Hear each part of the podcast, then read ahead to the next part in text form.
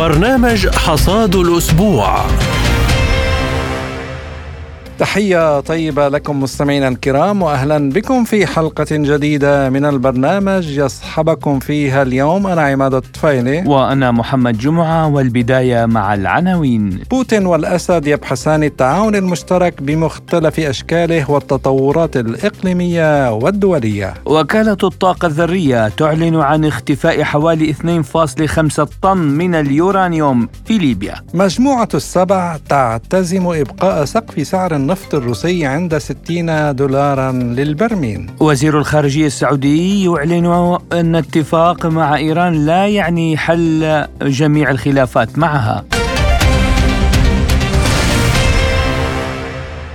والبداية مع زيارة الرئيس السوري بشار الأسد إلى موسكو حيث بحث مع نظيره الروسي فلاديمير بوتين خلال جلسة محادثات موسعة.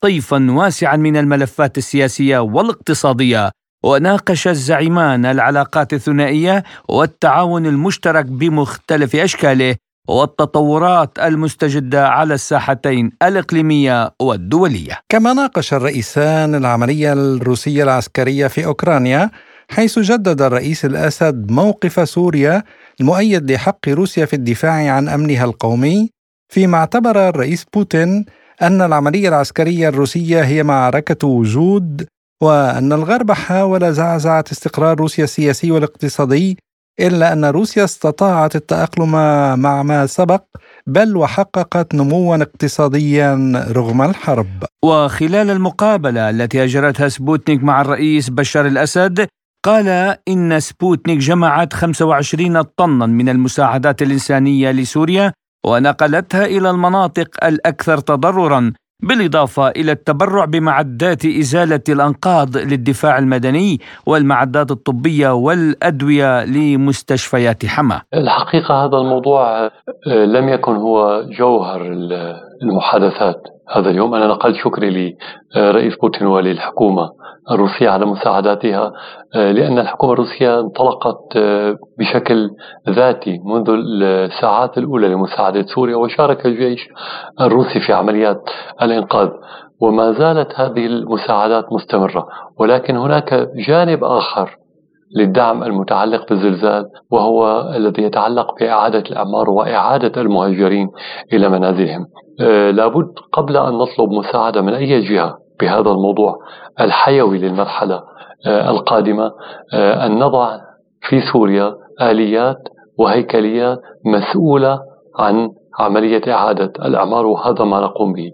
عندها يمكن الطلب من الدول أن تساهم معنا في عملية إعادة الأعمار وإعادة المهاجرين إلى أماكن سكنهم الأصلية أو أماكن سكن أخرى وعن ضرورة التعاون العسكري بين روسيا وسوريا بما في ذلك زيادة عدد القواعد العسكرية الروسية قال الأسد. أه، طبعا نوقش التعاون العسكري اليوم وكان هناك لقاء بين وزيري الدفاع أه، لا, لا, لا نعلن عادة ما هو نوع التعاون الذي سنقوم به بيننا وبين روسيا؟ لأن هذا موضوع عسكري يبقى دائما آه، له آه، نوع من السرية. هذا شيء طبيعي. آه، أما بالنسبة للقواعد العسكرية فهذا يعود لرؤية مشتركة فيها جانب سياسي وفيها جانب عسكري. من الناحية العسكرية لم يناقش هذا الموضوع. أما من الناحية السياسية فالنظرة إلى القواعد العسكرية لا يجب أن ترتبط بموضوع مكافحة الإرهاب. مكافحة الإرهاب هي أمر قائم حاليا ولكنه سيكون مؤقت ولا يمكن للوجود العسكري الروسي في أي دولة أن يبنى على شيء مؤقت. نحن نتحدث عن توازن دولي. وجود روسيا في سوريا له أهمية مرتبطة بتوازن القوى في العالم كدولة موجودة على البحر المتوسط. لا يمكن للدول العظمى اليوم أن تحمي نفسها أو أن تلعب دورها من داخل حدودها. لابد أن تلعب الدور من خارج الحدود خلال حلفاء موجودين في العالم ومن خلال قواعد. فنحن نفترض بأن إذا كان هناك رغبة روسية في توسيع القواعد أو زيادة عددها وهذا موضوع فني أو لوجستي إذا كان هناك رغبة فهي في ضمن من ضمن هذا الإطار ونعتقد بأن توسيع الوجود الروسي في سوريا هو شيء جيد يخدم هذه الفكرة كما سيكون آه، إذا كان هذا التوسع في دول أخرى ربما في مناطق أخرى سيخدم نفس الفكرة. فنعم نقول بأن هذا الشيء قد يكون ضروري في المستقبل. وعن العلاقات مع تركيا وكيف تساعد موسكو الآن سوريا وتركيا على تحسين هذه العلاقات؟ بما في ذلك إمكانية اللقاء بين الأسد وأردوغان. أضاف الأسد يقول بسبب الحرب آه، بسبب الدور التركي السلبي في هذه الحرب بسبب آه، دعم تركيا للإرهابيين في سوريا آه، وبسبب دخول جزء من الجيش التركي إلى الأراضي السورية لم يكن من الممكن أن يكون هناك تواصل مباشر بيننا وبين الطرف التركي. بالنسبة لنا تركيا هي دولة محتلة. هنا يكمن الدور الروسي أو هنا تكمن أهمية الدور الروسي. باعتبار هم على علاقة مع الطرف التركي على علاقة جيدة مع الطرف السوري ونحن نثق بالطرف آه، الروسي. فلعبوا دور الوسيط لتسهيل هذه الاتصالات آه، ولكن ضمن الأسس التي تستند إليها السياسة الروسية وهي احترام القانون الدولي، احترام سيادة الدول، نبذ الإرهاب، وحدة الأراضي السورية، سيادة آه، الدولة السورية آه، على أراضيها، خروج القوات الأجنبية الغير شرعية من الأراضي السورية ضمن هذه المبادئ، فبالنسبة لنا أي شيء يمكن أن يغير مسار الحرب باتجاه إنهاء هذه الحرب مع استعادة كامل الحقوق السورية واستعادة الأراضي المحتلة واستعادة سيادة الدولة السورية كاملة نحن لابد أن نسعى باتجاه تجريبه وربما يكون لدينا أمل قليل أحيانا بأن يكون هناك نتائج حقيقية ولكن لابد لنا من ألا نترك أي فرصة تمر من دون أن نجربها لأن هذه الفرصة ربما تكون بالرغم من الأمل الضعيف جدا ربما يكون فيها الحل. هذا ما تعمل عليه روسيا بالتعاون مع سوريا من أجل القيام بمحاولات بالإضافة لمحاولات أخرى كما تعرف هناك حوارات في جنيف وفي إستانا وغيرها. كلها لديها نفس الهدف هو استعادة الاستقرار في سوريا. أما بالنسبة للقاء مع الرئيس أردوغان فهذا يرتبط بالوصول إلى مرحلة تكون تركيا فيها جاهزة بشكل واضح ومن دون أي التباس للخروج الكامل من الأراضي السورية والتوقف عن دعم الإرهاب وإعادة الوضع إلى ما كان عليه قبل بدء الحرب في سوريا. هذا هو ال ال ال هذه هي الحالة الوحيدة التي يمكن عندها أن يكون هناك لقاء بيني وبين أردوغان. عدا عن ذلك ما هي قيمة هذا اللقاء؟ ولماذا نقوم به؟ إن لم يكن سيحقق نتائج نهائية بالنسبة للحرب في سوريا. وعن العملية العسكرية الخاصة ودور سوريا في دعمها وحول المناطق الجديدة التي انضمت إلى روسيا الاتحادية قال الأسد. إذا ذهب متطوعون فلن يذهبوا عن طريق الدولة السورية. سوف يذهبوا مباشرة تواصل مع الأطراف الروسية المعنية بهذا الموضوع. ونحن لن نعلم بهذا الشيء ولكن بكل تأكيد هناك حماس شديد لصالح سوريا لدى الشعب السوري. لأسباب مختلفة. من جانب هو نوع من الوفاء لأن روسيا وقفت مع الشعب السوري آه، ضد الإرهاب. من جانب آخر هناك نظرة أكثر عالمية لهذه الحرب أن هذه الحرب هي التي ستبدأ بتغيير التوازن الدولي. لأن جزء من معاناة سوريا ومعاناة العراق ومعاناة دول كثيرة أخرى سببها القطب الواحد. فعندما تنتصر روسيا في هذه الحرب كما يتمنى معظم السوريين فلا بد أن يكون هناك عالم جديد أكثر أمنا وأمانا. هذا هو التأثير الفعلي لهذه الحرب على نظرة السوريين إليها. نحن اعترفنا بهذه المناطق قبل أن تضم إلى روسيا عندما كان هناك استفتاء وأعلنت الاستقلال فاعترفنا بها. وحتى قبل أن يحصل هذا الاستقلال واستقبلت وفد من الدومباس قبل الحرب بعدة أشهر فقلت لهم نحن مستعدين للاعتراف بكم من الآن. فقلنا لاحقا قلت لهم نحن اعترفنا بكم حتى قبل روسيا. إذا هذا الموضوع بالنسبة لنا هو موضوع واضح منذ البداية ونحن في مواقفنا لا نتردد. سوريا مواقفها واضحة وبنفس الوقت آه، حاسمة. آه، ولدينا قناعة بهذا الموضوع. ليس آه، من أجل الصداقة مع روسيا فقط وإنما آه، لأن هذه الأراضي هي أراضي روسية. معروف هذا الشيء عبر التاريخ. نقلت إلى أوكرانيا ربما منذ حوالي 100 عام أعتقد أيام لينين وفيها مواطنين آه، روس. يعني هناك حقائق على الأرض تدل على أنها أرض روسية. فنحن مقتنعين بهذا الموقف. وعن العواقب العالمية حول ما إذا كان هذا الصراع سيؤدي إلى حرب عالمية ثالثة قال الرئيس السوري. أنا أعتقد بأن الحرب العالمية الثالثة قائمة لكن اختلف الشكل. يعني بالسابق كانت الحرب العالمية هي حروب تقليدية جيوش من عدة دول تعمل ضد عدة دول أخرى. الآن هذا الوضع قائم ولكن بسبب الأسلحة المتقدمة وخاصة السلاح النووي فهناك قوة ردع عن الحرب التقليدية. لذلك تذهب الحروب باتجاه الحروب بالوكالة. لذلك زيلينسكي هو اليوم يقوم بالحرب نيابة عن الغرب. مع جيشه طبعا من النازيين. نفس الشيء الإرهابيين هي هي جيوش تعمل نيابة عن الغرب في سوريا وفي مناطق أخرى. وحول ما يقال عن استمرار الولايات المتحدة في تدريب المسلحين في قواعدها في سوريا أوضح الأسد. آه، نحن على صدام مباشر مع المجموعات الإرهابية القريبة من منطقة التنف. وطبعا آه، نعرف من خلال هذه الصدامات ومن الأشخاص الذين يلقى القبض عليهم من أين أتوا. آه، التنف هو عبارة عن معسكر كامل من الإرهابيين. لا يوجد له هدف آخر. يعني ما, الذي تستفيد الولايات المتحدة من وجودها في هذه المنطقة في قلب منطقة صحراوية؟ لا شيء. هي لديها معسكرات من الإرهابيين فيها عشرات, عشرات الآلاف مع عائلاتهم. وتقوم بإرسال هؤلاء الأشخاص من وقت لآخر للقيام بعمليات هجوم على الجيش السوري بهدف تشتيت آه، السورية باتجاهات مختلفة. نحن متأكدون من هذا الشيء. الأدلة موجودة على الواقع. كان هذا أهم ما جاء في اللقاء الذي أجرته سبوتنيك مع الرئيس السوري بشار الأسد. وإلى ليبيا حيث أعلن رئيس الوكالة الدولية للطاقة الذرية رافائيل جروسي أن مفتشي الوكالة اكتشفوا اختفاء عشرة براميل تحوي قرابة طنين ونصف من اليورانيوم الطبيعي من حقل تجريبي في ليبيا. بهذا الصدد قال جروسي اكتشف مفتشو الوكالة الدولية للطاقة الذرية خلال عملية تفتيش أن عشرة براميل تحتوي على حوالي 2.5 طن من اليورانيوم الطبيعي على شكل يورانيوم مركز.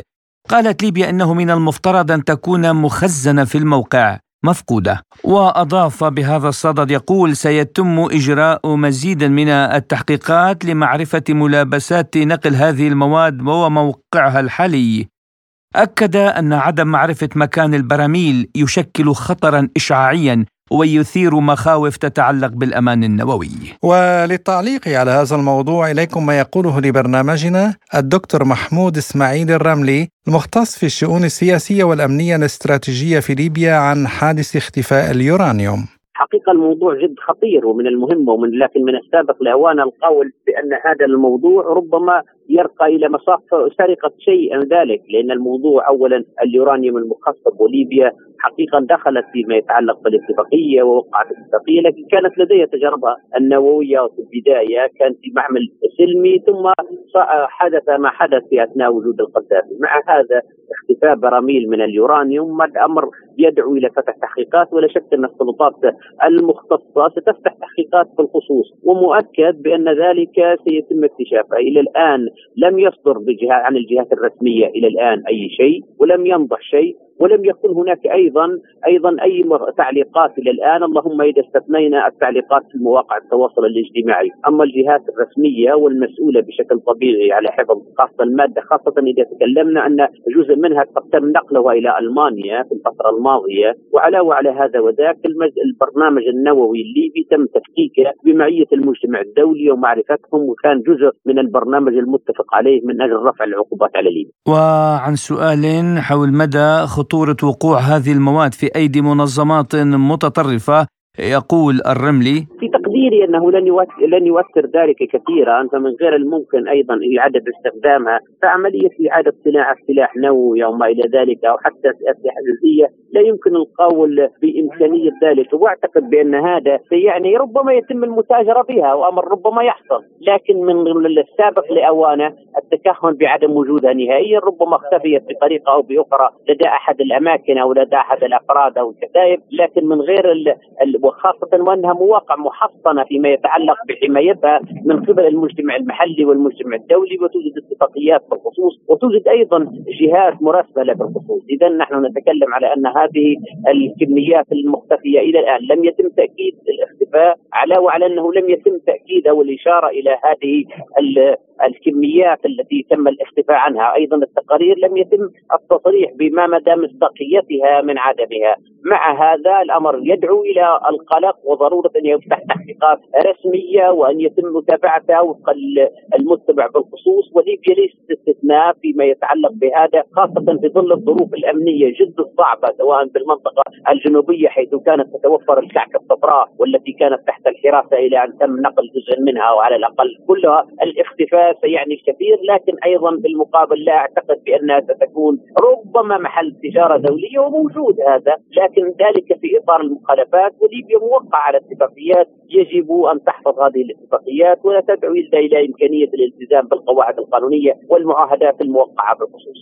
وفيما يخص الجهه الليبيه التي تستطيع تخصيب اليورانيوم ولها مصلحة في ذلك يقول الرملي. في تقديري في أن ليبيا تمر بمرحلة جد صعبة ولا توجد جهة ليبيه يمكن أن تستخدم اليورانيوم أو يمكن ان تستفيد من اليورانيوم المخصب بل بالعكس ربما يكون مصدر قلق وإشكال وإزعاج فيما يتعلق بالاشعه من, من هذه الزاوية لذا من القول على أن إمكانية الدولة الليبية ولا الموجودون من المؤسسات الدولة الليبية إمكانية الاستفادة من هذا أمر مستحيل. اللهم إذا استثنينا الأمور التجارية ربما يتم استخدامها بشكل أفراد وليس بشكل مؤسسات من خلال المحاولة المتاجرة به لكن يظل ذلك حقيقة مصدر خطر وهو ممنوع ومرفوض مطلقا من الليبيين من المجتمع المحلي ومن المجتمع الدولي. يظل العالم أيضا يترنح فيما يتعلق بهذا فما بين سلطات من بعض الدول ربما باحثة على اليورانيوم وبعضها يتاجر به وهناك أيضا لا شك منظمات تعمل بالخفاء من أجل العملية المتاجرة. فهل يمكن القول بأن ذلك قد وصل إليها بطريقة أو بأخرى؟ أو على الأقل وصلت لها جزء؟ ربما هناك دول تسعى إلى امتلاك السلاح النووي والآن ما بينها وما بين بعض الدول صراع في ظل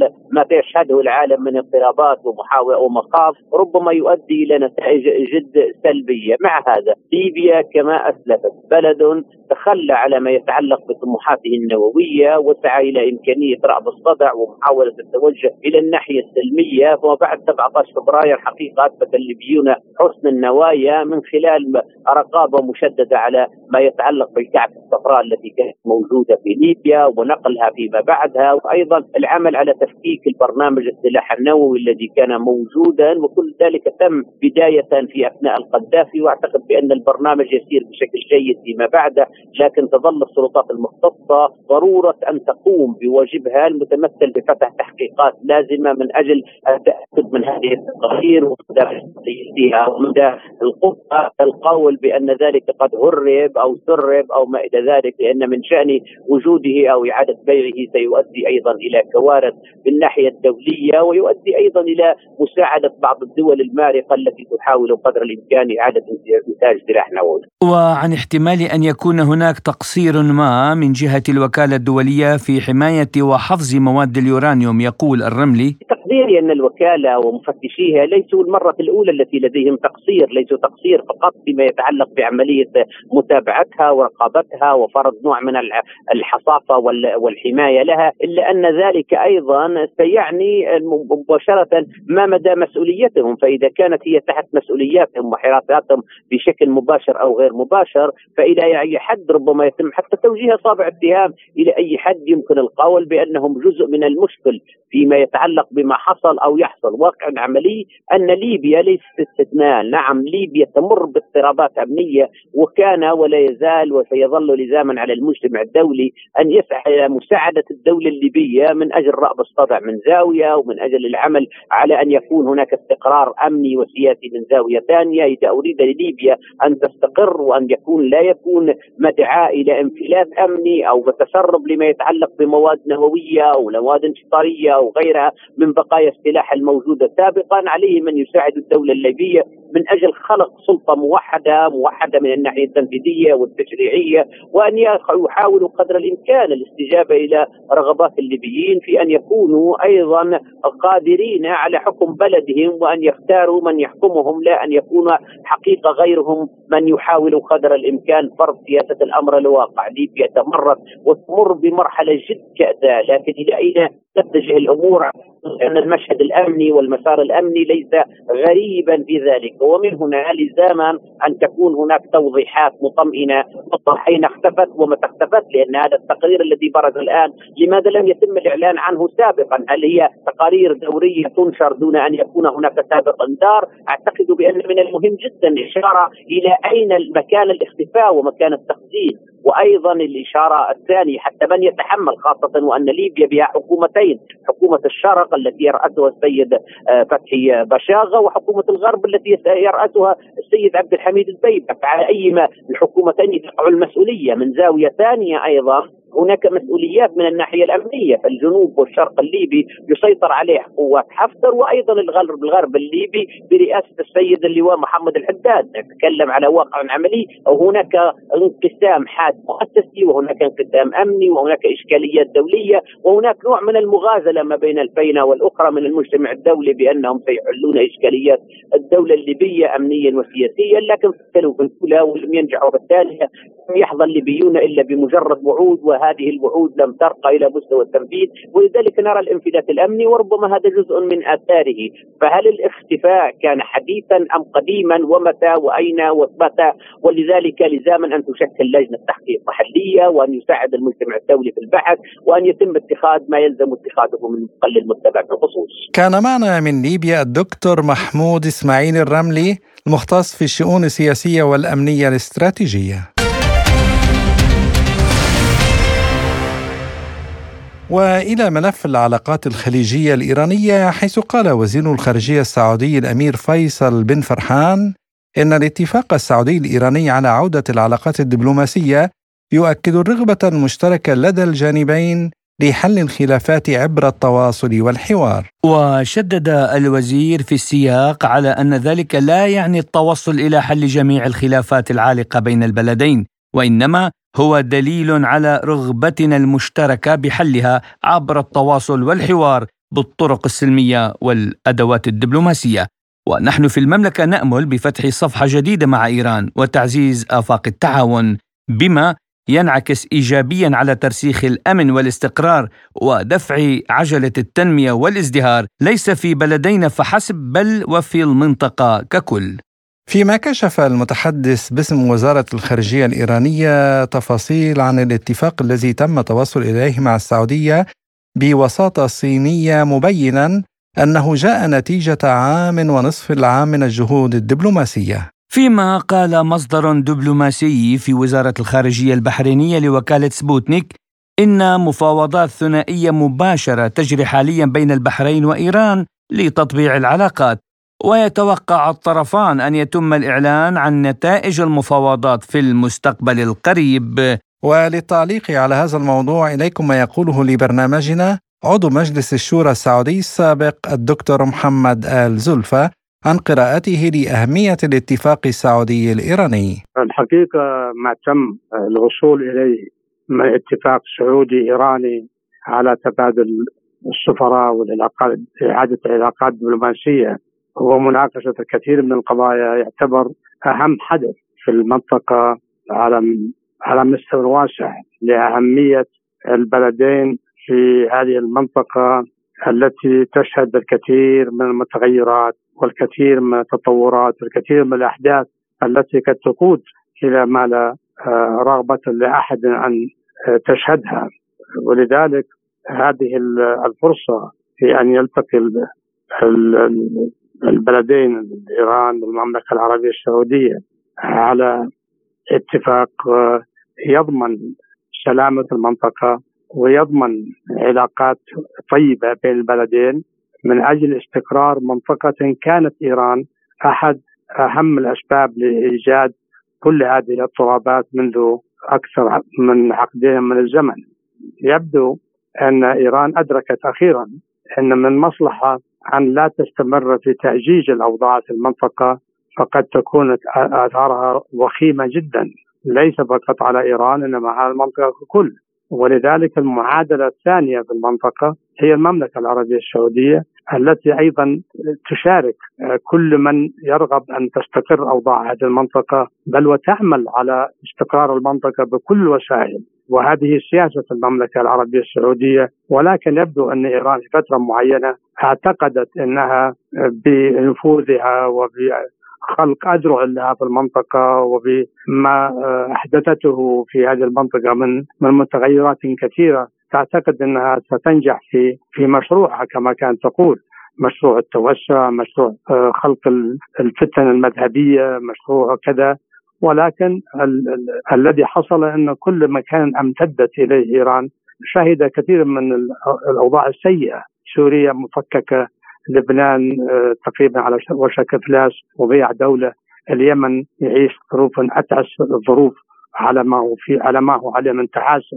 وعن سؤال حول إمكانية التأثير الإيجابي على حل ملفات المنطقة بعد تطبيع العلاقات السعودية الإيرانية قال آل زلفي. أعتقد أن بالإمكان إذا صدقت النوايا من قبل إيران. أما المملكة العربية السعودية هي صادقة النوايا وتحرص على استقرار المنطقة. وتعرف أن الذي أجج المشاكل بالمنطقة هي إيران. فما دام إيران وصلت إلى قناعة بالاتفاق مع المملكة العربية السعودية على إزالة كل المعوقات وكل كل المشاكل في هذه المنطقة. فهذا هذه خطوة رائعة ولها تأثيرها الإيجابي على المنطقة وعلى البلدين وعلى الاستقرار وعلى النمو بدل صراع الصراعات والحروب والمشاكل. ولذلك أنا أعتقد أن المملكة العربية السعودية صادقة النوايا وإيران يبدو انها أدركت ليس أمامها إلا أن تكون في علاقة جيدة مع السعودية من أجل آه، آه، أمن منطقة وبما فيها أمن إيران. إيران تتعرض لكثير من المشاكل مشاكل في الداخل حصار بالخارج ضغوط من دول مختلفة. فإذا هي صادقة النوايا أعتقد أنها ستخرج من مشاكلها بالتعاون مع المملكة العربية السعودية. وبهذا الاتفاق الذي الطرف الثالث في هذا الاتفاق هي الصين. والصين دولة مؤثرة دولة آه، دولة عظمى. وأكيد الصين لها مصالح في المنطقة. لا تريد أن تشهد المنطقة المزيد من الصراعات أو تصعيد الصراعات إلى ما هو أكبر خلق حرب في المنطقة. ليس في صالح لا الصين ولا المنطقة ولا الاقتصاد العالمي. وهذا ما يجعل آه، الناس تتفائل بهذا الاتفاق. كلنا نتفائل بهذا الاتفاق. وأعتقد صحيح إيران بنظامها العجيب هذا آه، قد لا لا يكون مصدر يعني لا يكون نظام موثوق به. ولكن أعتقد ما دام من الطرف الثالث الصين آه، دولة عظمى وستكون شاهدة على ما تم الاتفاق عليه ما هو معلن وما لم يعلن وما سيكون له من تأثير إيجابي على هذه المنطقة. فأنا أعتقد أن المنطقة ستصل إلى إلى حلول وإلى إزاحة كل ما تشهده من مشاكل داخلية وما تهدد من الخارج بإعلان حرب على إيران أو نووي أو إلى آخره، فأعتقد أن هذه خطوة جدا جميلة وستؤدي إلى نتائج إيجابية إذا صدقت إيران ولكن لا أعتقد أنها ستتخلى عن ما تم الاتفاق عليه بشهاده الصين لأن الصين دولة عظمى. وفي تعليقه على تصريح وزير الخارجية السعودي من أن الاتفاق السعودي الإيراني لا يعني التوصل إلى حل جميع الخلافات العالقة بين البلدين. قال آل زلفي أعتقد أن سمو الوزير مع حق. الشيء المقلق لنا في المنطقة هو طموح إيران وعملها المستميت في سبيل الحصول على سلاح نووي. آه، سلاح نووي ضد من؟ ماذا تريد أن تفعل؟ يعني تحول المنطقة كلها إلى إلى أن تب... آه، يعني تسلحت نوويا فكما قالت المملكة العربية السعودية على لسان الأمير محمد أو على لسان المسؤولين السعوديين إذا تسلحت إيران نوويا فنحن سنتسلح نوويا آه، وهذه مشكلة نحن لا نريد منطقة تعيش على بركان أسلحة نووية فأنا أتصور إذا كان إيران تقول والله نحن نريد آه، يعني طاقة نووية يساهم فيها سواء روسيا ولا الصين ولا غيرها لكن بالأغراض السلمية نفس الشيء السعودية تعمل على آه، مثل هذه الأشياء الطاقة للأغراض السلمية. فلذلك إيران إذا استمرت في حكاية مشروعها والتملص من الرقابة الدولية على ما تقوم به فأعتقد أن إيران لن تكون صادقة إذا استمرت في مشروعها النووي وقد تعرض نفسها وقد مشاكل مع دول أخرى تتربص بها شرا سواء الولايات المتحدة الأمريكية وإسرائيل. وربما إذا استمرت في حكاية الحصول على سلاح نووي أن الكل في المنطقة سينحاز إلى جانب من يعني يصف إلى جانب عدم تمكن إيران من الحصول على سلاح نووي. هذا واضح. ولا أنا أعتقد إن الاتفاق في في بكين بين الوقتين إن هذا الأمر لم يكن غائبا لأن ليس من مصلحة المنطقة. ولا من مصلحة العالم آه، أن أن تملك إيران سلاحا نوويا. كان معنا من الرياض عضو مجلس الشورى السعودي السابق الدكتور محمد آل زلفه. بدوره قال الخبير في الشأن الإيراني محمد غروي في حديث لبرنامجنا عن قراءته لهذا الاتفاق السعودي الإيراني لا شك في بداية الأمر حتى لا نذهب بعيدا في التفاؤل أو في التشاؤم لا شك بأن الدولتين ما زالت هي هي يعني لا السعودية تغيرت ولا إيران تغيرت. ما تبدل هو أن الطرفين وجد بأن هناك حاجة أمنية للتوافق تسهيلا للملف الاقتصادي سواء الملف الإيراني مع الصين أو ملف السعودي مع الصين. بمعنى أن الطرفين وجدا هامشا مشتركا لتأجيل الخلافات لكي آه، يكون لديهم مزيدا من الوقت للتفرغ للموضوع الاقتصادي الذي يفيد الطرفين بالدرجة الأولى ويفيد الصين في هذا الإطار وإذا ما حلت المشاكل الأمنية بطبيعة الحال سترخي بظلالها على باقي ملفات المنطقة سواء في لبنان أو في اليمن أو في العراق أو في سوريا. لا شك بأن ما جرى آه، هو آه، نقطة تحول كبيرة في هذه العلاقة لكن آه، نجاحها أو عدم نجاحها هو رهن الأيام. نحن عندما نقول بأن الطرفان اعطيا لبعضهما البعض آه، شهرين من الوقت يعني بأننا يجب أن ننتظر هذين الشهرين لينتهيا وعليه آه، يمكن أن نعرف إلى أين ستسير الأمور. بمعنى إذا سارت أمور افتتاح السفارات سواء في الرياض أو في طهران بسلاسة يمكن أن نعول أن هذا الموضوع جار على قدم وساق. بمعنى آه، إذا ما يعني وبعدها إذا ما التقى وزيري الخارجية الإيراني والسعودي أيضا هذه نقطة إيجابية. وبعدها إذا ما حصل هناك لقاء قمة ونحن آه، ربما من المبكر أن نتحدث عن لقاء قمة إيراني سعودي لكن هذه كلها من ضمن الإيجابيات التي يجب أن ننتظرها خلال الشهرين القادمين. لذلك على هذه الإيجابيات يمكن يمكن أن نبني التفاؤل الكبير الذي يمهد لباقي ملفات المنطقة الذي يمهد للعلاقات الثنائية الإيجابية.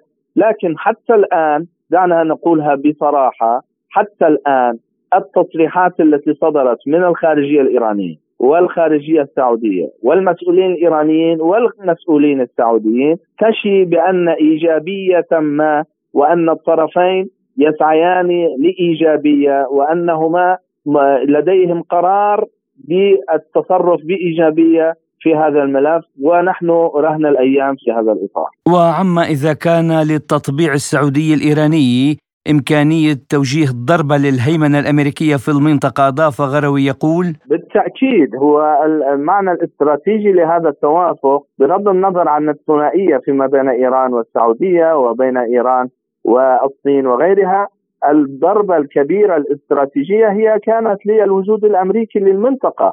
الوجود الأمريكي اليوم وكأنه بات باهتا والصين حلت محل الأمريكان وكأن الصيني دخل إلى ملعب الأمريكان في هذا الإطار وهذا يعرفه جيدا.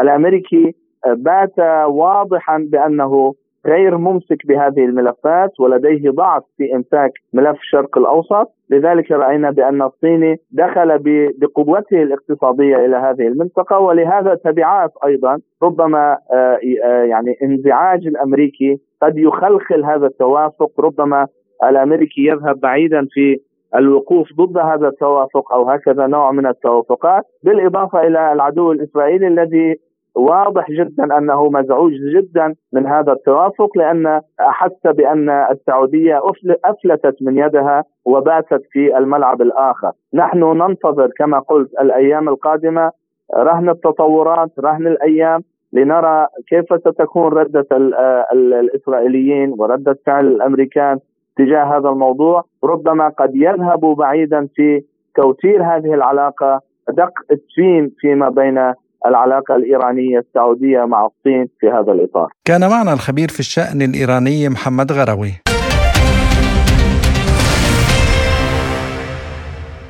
وإلى السعودية حيث أكد وزير الطاقة السعودي عبد العزيز بن سلمان أن المملكة لن تبيع البترول لأي دولة تفرض سقف أسعار على إمداداتها. وستخفض إنتاج البترول معتبرا أن فكرة فرض سقف لسعر النفط تضيف مخاطر جديدة وغموضا أكبر في وقت تشتد فيه الحاجة إلى الوضوح والاستقرار مثل هذه السياسات ستؤدي لا محالة إلى تفاقم عدم استقرار السوق وتقلباته وهذا سيؤثر سلبا في صناعة البترول. وأشار الوزير السعودي إلى أنه لا يراعي مشروع قانون نوبك أهمية امتلاك احتياطي من القدرة الإنتاجية وتبعات عدم امتلاك هذا الاحتياطي على سوق البترول ويضعف مشروع قانون نوبك للاستثمارات في القدرة الإنتاجية للبترول كما سيتسبب في انخفاض العرض العالمي بشدة عن الطلب في المستقبل وسيكون تأثير ذلك ملموسا في جميع أنحاء العالم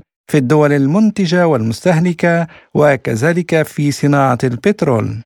وفي السياق تعتزم مجموعة السابع إبقاء سقف سعر النفط الروسي عند 60 دولارا للبرميل وقد تزامن ذلك مع إعلان متحدث باسم الرئاسة الروسية دمتري بيسكوف أن روسيا لا تعترف بأي سقف لأسعار النفط تحدده دول مجموعة السبع. وتعمل لكي لا يضر هذا النظام بمصالحنا. أضاف يقول أن سقف أسعار النفط الروسي تم وضعه بحرية تامة من وجهة نظر دول مجموعة السبع للحديث أكثر ينضم معنا عبر الهاتف من القاهرة الخبير الاقتصادي الدكتور أحمد النجار أهلا بك دكتور وأبدأ معك حول إمكانية الحديث عن مزيد من الركود في الاقتصاد الأوروبي وكيف سيؤثر هذا القرار على الأسواق العالمية. الحقيقة بداية مسألة مجموعة السبع، مجموعة السبع دي أكذوبة كبرى بمعنى إن اسمها مجموعة الدول الصناعية السبع الكبرى، ده اسمها. هي ليست الدول الصناعية السبع الكبرى، الناتج الصناعي الصيني الصناعة التحويلية يعادل ناتج الست دول الكبرى اللي هي الولايات المتحدة وألمانيا واليابان وفرنسا وإيطاليا وبريطانيا. طبعا كندا بدون ما يبقى فيها إساءة أقل من مقاطعة صغيرة في الصين يعني. فهنا الموضوع أصلا فكرة إن مجموعة من الدول تتصور إنها تتحكم في الاقتصاد العالمي وتدعي إن هي الصناعية الدول الصناعية السبع الكبرى هذه أكذوبة. هناخد بس بيان صغير الناتج الصناعي الصيني الصناعه التحويليه مش الصناعة الاستخراجية. الصناعة التحويلية حوالي 6 تريليون دولار. الناتج الصناعي الأمريكي الصناعة التحويلية 3 تريليون. الناتج الياباني 880 آه، مليار. الناتج الألماني حوالي 890 مليار البريطاني حوالي 371 الفرنسي 323 الإيطالي حوالي 350 إذا كلهم مجتمعين أقل من ناتج الصناعة التحويلية الصينية. فبداية هذه المجموعة اسمها أكذوبة يعني. أما فيما يتعلق بمسألة وضع سقف لسعر النفط الروسي اولا هذا ضد كل ما ادعته الولايات المتحدة الأمريكية ودول الغرب وقاتلت من اجله اللي هو حرية التجارة والأسعار تتحدد وفقا لتوازن العرض والطلب، هذا تحديد تحكمي لا علاقة له بقيم السوق التي ادعوها وصدعونا بها وفرضوها على الدول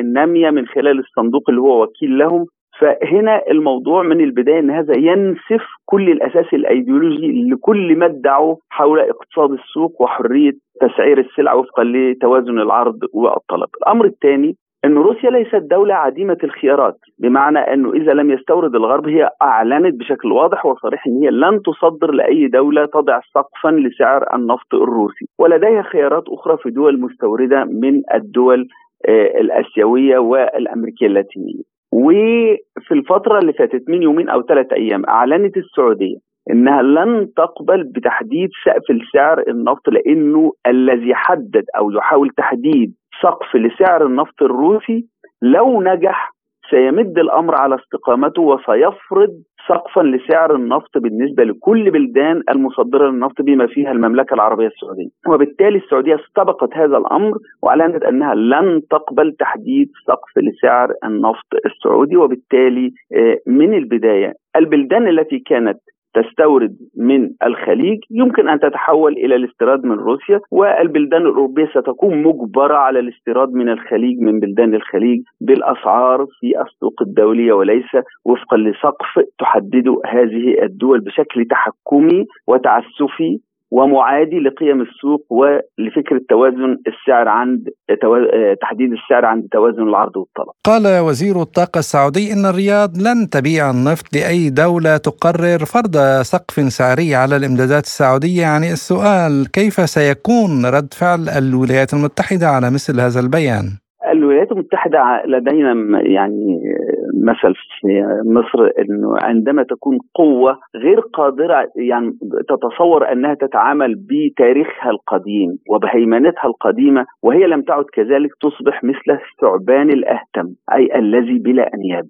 وبالتالي هي بالفعل يمكن أن تستاء من هذا الأمر ولكنها لن يكون لديها أي خيارات في التعامل خصوصا أنها تحولت إلى مصدرة صافية للنفط بأسعار أعلى كثيرا من سعر النفط السعودي والخليجي والروسي لأنه نفط صخري مرتفع التكلفة. يعني سعره بالنسبة للولايات المتحدة الأمريكية من عندما انخفض السعر في سنة 2020 كان مهدد بالفعل بانهيار قطاع النفط الصخري في الولايات المتحدة الأمريكية والبنوك المقرضة له وإحداث أزمة كبرى في الولايات المتحدة الأمريكية لأنها لا تستطيع بيعه إلا بأسعار مرتفعة. وبالتالي بالفعل الولايات المتحدة الأمريكية لن تكون قادرة على أي فعل تجاه السعودية خصوصا أن السعودية معها ككتلة صلبة مجموعة دول الأوبك. يعني ليست ليس هذا موقفا سعوديا منفردا وإنما هو موقف السعودية مع باقي بلدان الأوبك ودفاعا عن مصالح وطنية مشروعة لأن الولايات المتحدة الأمريكية اعتادت على أن آه، تتصور أنها يمكن أن تأمر البلدان المرتبطة أو التابعة فتنفذ. ولكن السعودية لا تتخذ موقفا معاديا للولايات المتحدة الأمريكية وإنما موقفا مدافعا عن مصالحها الوطنية. في هذا الشأن لأنه لو سمحت للولايات المتحدة الأمريكية والغرب بتحديد سقف لسعر النفط السعودي ونفط الأوبك عموما يمكن فعلا أن تدفع هذه البلدان الغربية الاقتصادات الخليجية واقتصادات دول الأوبك للانهيار بتحديد سقف سعر متدني إذا تحكمت أو تمكنت من ذلك ولا أعتقد أنه سيسمح لها بذلك. طيب دكتور يعني هل يمكن أن تفرض الولايات المتحدة عقوبات على السعودية؟ وماذا سيحدث إذا ما تم فعلا فرض عقوبات على المملكة؟ دائما بالنسبة للعقوبات هي مؤثرة جدا للبلدان التي ليست لديها خيارات ولكن إذا كان بلد له خيارات أو أمامه خيارات متاحة مثل المملكة العربية السعودية أو دول الخليج أو دول الأوبك آه، تكون الحديث عن العقوبات نوع من عفوا المسخرة يعني لا علاقة لها بالقدرة الحقيقية على تحويله إلى واقع.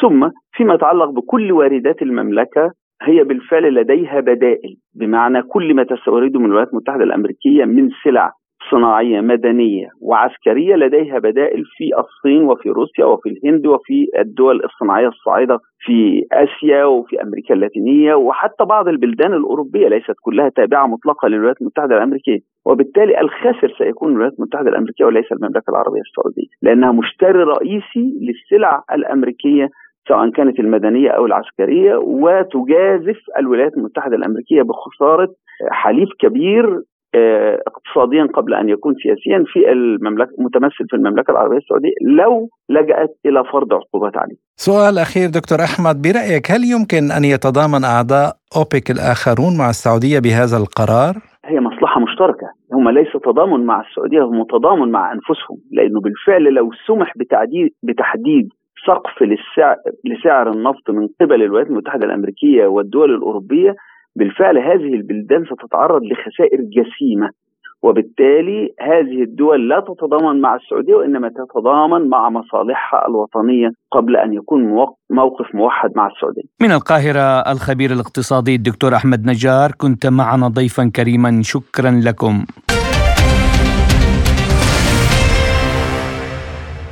وإلى الولايات المتحدة وإفلاس بنوكها حيث أغلق المنظمون الأمريكيون بنك سيجنيتشر ومقره نيويورك وهو مقرض كبير في صناعة العملات الرقمية في محاولة لمنع انتشار الأزمة المصرفية. وأعلنت إدارة الخدمات المالية في ولاية نيويورك الاستحواذ على البنك وألحقت صفة المستلم بالمؤسسة الاتحادية للتأمين على الودائع وذلك في ثاني حالة إفلاس لبنك في غضون أيام. وقالت إن المودعين في بنك سيجنتشر سيكون لديهم حق الوصول الكامل إلى ودائعهم وهي خطوة مماثلة لضمان المودعين في بنك سيليكون فالي الذي أعلن إفلاسه قبل عدة أيام بعد أن أغلق المنظمون بنك سيليكون فالي وصادروا ودائعه في أكبر فشل مصرفي أمريكي منذ الأزمة المالية لعام 2008 وثاني أكبر فشل على الإطلاق. وأعلنت الحكومة البريطانية أن الذراع البريطانية للبنك الأمريكي المفلس سيليكون فالي بيعت إلى بنك اس في عملية بيع خاصة تحت إشراف بريطانيا وبنك إنجلترا.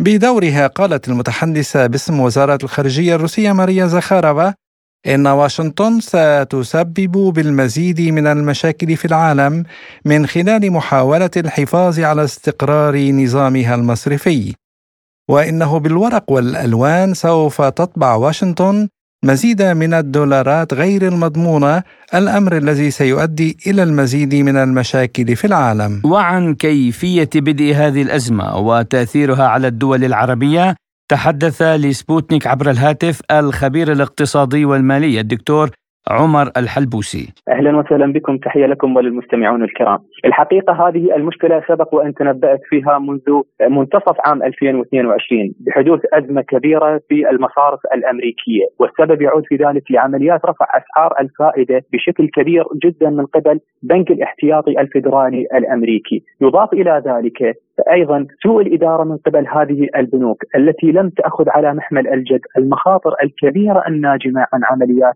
رفع أسعار الفائدة. فضلا عن ذلك السياسة التي اتبعها الفدرالي الأمريكي بالتشدد برفع أسعار الفائدة وخطوته هي استهداف العودة إلى آه، نسبة 2% للتضخم كانت سياسة خاطئة بامتياز كون عمليات رفع أسعار الفائدة بشكل متسارع تنجم عنها مخاطر كبيرة على القطاع المصرفي وحتى قطاع الشركات الأخرى. آه، مما انعكس سلبا ورأينا انهيار ثلاثة مصارف خلال أسبوع واحد في الولايات المتحدة الأمريكية. وأنا أتوقع بأنها هو سوف تكون هناك انهيارات وإفلاس مصارف أخرى في الولايات المتحدة الأمريكية خصوصا وأن هناك ست مصارف الآن أصبحت على المحاكي يضاف إليها آه، تراجع في أسهم عدد من المصارف الأخرى، كل ذلك سوف يؤدي في النهاية إلى انهيارات متواترة في الاقتصاد والقطاع المصرفي الأمريكي مما سينعكس سلبا على الدول العربية التي ارتبطت أنشطتها بالمصارف الأمريكية، فضلا عن اقتصاد الدول الريعية وعلى رأسها العراق الذي سوف يعاني كثيرا من أثر هذه الأزمات المتواترة في الولايات المتحدة كونه اقتصادا ريعي يضاف إلى ذلك التغيير بسعر الصرف الدينار العراقي، كل هذه سوف تشكل منافذ لنفوذ الأزمة إلى داخل العراق، فضلا عن أن دول الخليج العربي التي ارتبطت بشكل كبير مع البنوك الأمريكية آه، ساهم سوف يساهم هذا الأمر بتواتر خسائر لها كثيرة. لذلك نرى أنه هناك تعتيم وتكتم من قبل هذه الدول آه، وعدم الإفصاح عن الخسائر التي نجمت إلى الآن عنها. وعن السيناريو المتوقع فيما إذا كنا أمام أزمة مالية عالمية قال الحلبوسي. نعم نحن أمام أزمة مالية عالمية وأنا سبق وان قلت أن الولايات المتحدة الأمريكية هي دائما تعمل على تصدير أزماتها إلى الخارج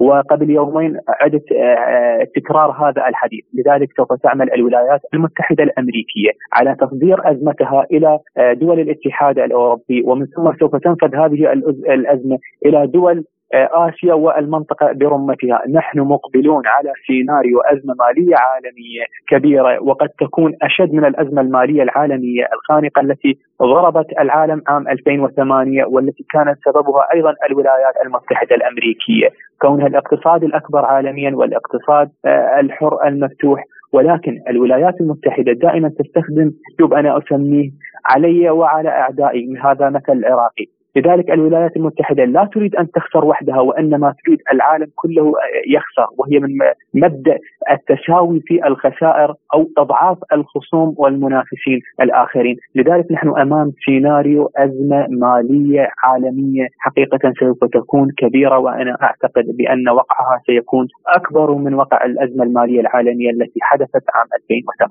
استمعنا إلى ما قاله الخبير الاقتصادي والمالي الدكتور عمر الحلبوسي وحول هذا الموضوع تحدثت لسبوتنيك الخبيرة الاقتصادية ناتاليا كارنوفا قائلة неожиданный обвал американских банков, который переполошил общественность, на самом الانهيار المفاجئ للبنوك الأمريكية والذي أثار قلق الجمهور كان في الواقع متوقعا تماما إذا قمنا بتحليل الوضع العام مع الأزمات في الاقتصاد الأمريكي والمتطلبات الأساسية كانت كذلك في البداية جمعت البنوك المنهارة رأس المال من استثمارات التكنولوجيا الفائقة أي في القطاع الذي نما جيدا في أمريكا وذلك لأنه بعد أزمة عام 2008 بدأت السلطات الأمريكية في جذب الأموال الأجنبية الرخيصة إلى الاقتصاد وجذب المستثمرين الأجانب باستثمارات عالية التقنية. في تلك اللحظة عندما كان هناك تدفق للأموال كان هناك معدل رئيسي مختلف تماما للاحتياطي الفيدرالي أي أقل من المعدلات الحالية. وخلال العام الماضي اقترب المعدل الرئيسي من معدل الصفر بخمسة بالمئة لتصبح الأموال التي تأخذها البنوك الأمريكية أكثر تكلفة. في الوقت الذي لم تشهد فيه أسعار الأصول في الميزانية العمومية أي زيادة لأنه لا يوجد نمو اقتصادي بل هناك تضخم مستمر. وبسبب هذا كانت هناك تناقضات بين حجم المطلوبات وأصول البنوك الآن قلة من الناس يتعهدون بالتنبؤ كيف سينتهي كل شيء. يقول الكثيرون إن هذه النسخة الجديدة من الأزمة المصرفية لعام 2008 ليست حقيقية.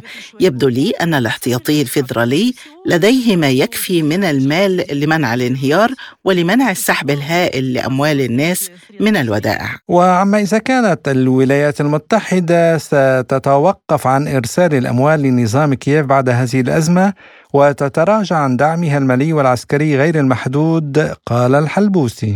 نعم أنا أعتقد أن الولايات المتحدة سوف تصل إلى مرحلة بالتخلي عن أوكرانيا وعن رئيسها زيلينسكي لأنه هناك تكلفة كبيرة جدا سوف تدفعها الولايات المتحدة خصوصا بأنها تعيش أزمة كبيرة جدا. بالإضافة إلى ذلك هناك كثير من حلفاء الولايات المتحدة بدأوا يتجهون صوب روسيا و الصين كل هذه طاقمت كثيرا من الضغوط على الولايات المتحدة، لذلك الولايات المتحدة أنا باعتقادي سوف تضحي بأوكرانيا من أجل ضمان حقيقة على الأقل المحافظة إلى أطول أمد من الاستقرار في داخل الولايات المتحدة، لأن استمرار عملية تقديم الدعم لزيلينسكي يعني مزيدا من المخاطر الكبيرة التي تحدث في الولايات المتحدة الأمريكية داخليا، لذلك هي اليوم تعيش أزمات متشابكة كبيرة جدا. يتطلب منها توفير المال من أجل إصلاح وترميم آه، الداخل الأمريكي خصوصا القطاع المصرفي الأمريكي الذي يشهد انتكاسات كبيرة ومتواترة. آه، لذلك نظام كييف سوف آه، يكون على المحك بشكل أكبر في الأيام القليلة القادمة.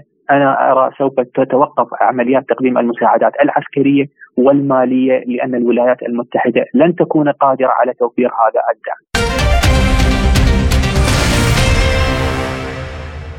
وإلى ملفنا الأخير حيث وزع فريق من وكالة الأنباء سبوتنيك ومؤسسة الدكتورة ليزا الخيرية المساعدات الإنسانية التي جمعتها سبوتنيك على السوريين في المناطق المتضررة من الزلزال الذي ضرب البلاد. وقام فريق من موظفي وكالة سبوتنيك وممثل مؤسسة الدكتورة ليزا فلاديمير خفشابو بالسفر على مدار أسبوع إلى جميع المناطق التي تضررت من الزلزال في سوريا بهدف توزيع المساعدات الإنسانية التي جمعها الفريق في موسكو.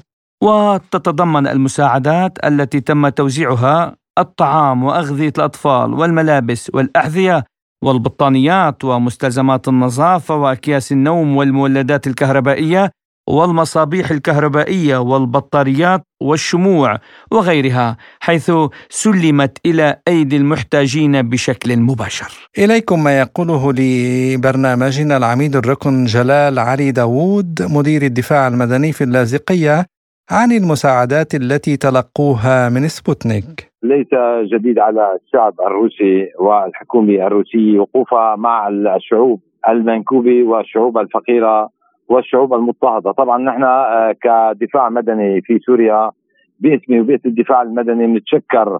أول شيء طبعا الشعب الروسي وقيادته وسبوتنيك والمؤسسة آه، المؤسسة الخيرية الدكتورة ليزا على تقديمها.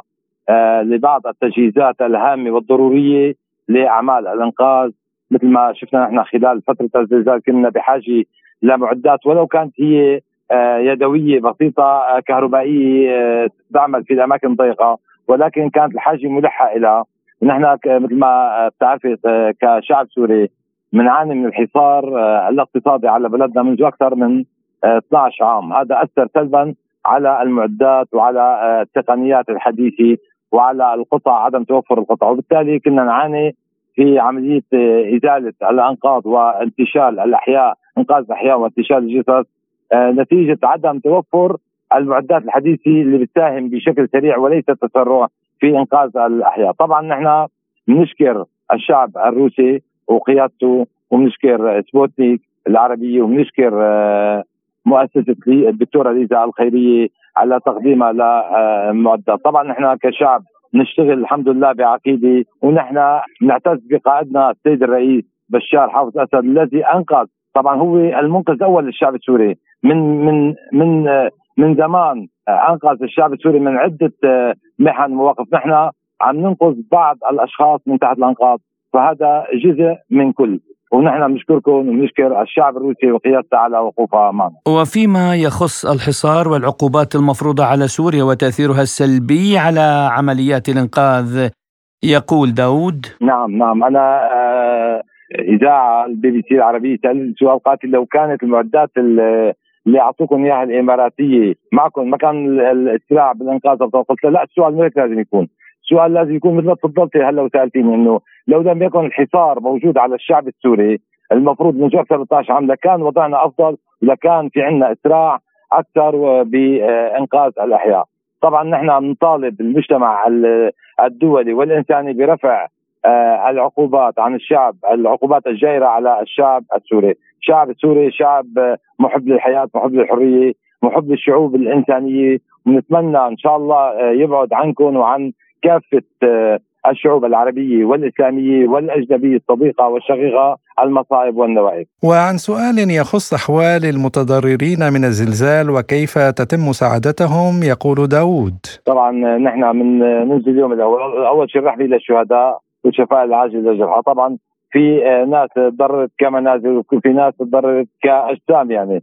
فالدولة مؤسسات الدولة كلها عملت كخلية نحل بتوجيهات من القيادة من السيد رئيس التحديد والمحافظات المنكوبة كمان المحافظون ومؤسسات الدولة بكل محافظة آه، بالتعاون مع الدفاع المدني تأمين مراكز اللواء وتأمين المعونات والإغاثة للناس المنكوبين المتضررين والعمل آه، ما زال مستمر يعني حتى هذه اللحظة. بهذا مستمعينا الكرام تنتهي حملة سبوتنيك التي نظمتها الوكالة لجمع المساعدات الإنسانية وإرسالها إلى سوريا بعد تعرضها لزلزال شديد في السادس من فبراير شباط الماضي. ولا يسعنا إلا أن نتوجه بالشكر لكل فريق سبوتنيك الذي شارك في هذه الحملة الإنسانية. لجمع المساعدات وإرسالها إلى سوريا وأيضا الشكر أيضا للشعب الروسي الذي ساهم يعني في تقديم هذه المساعدات كافة. مستمعينا الكرام إلى هنا تنتهي حلقة برنامجنا من حصاد الأسبوع. كنت معكم أنا محمد جمعة. وأنا عماد الطفيلي وشكرا لإصغائكم وإلى اللقاء. إلى اللقاء.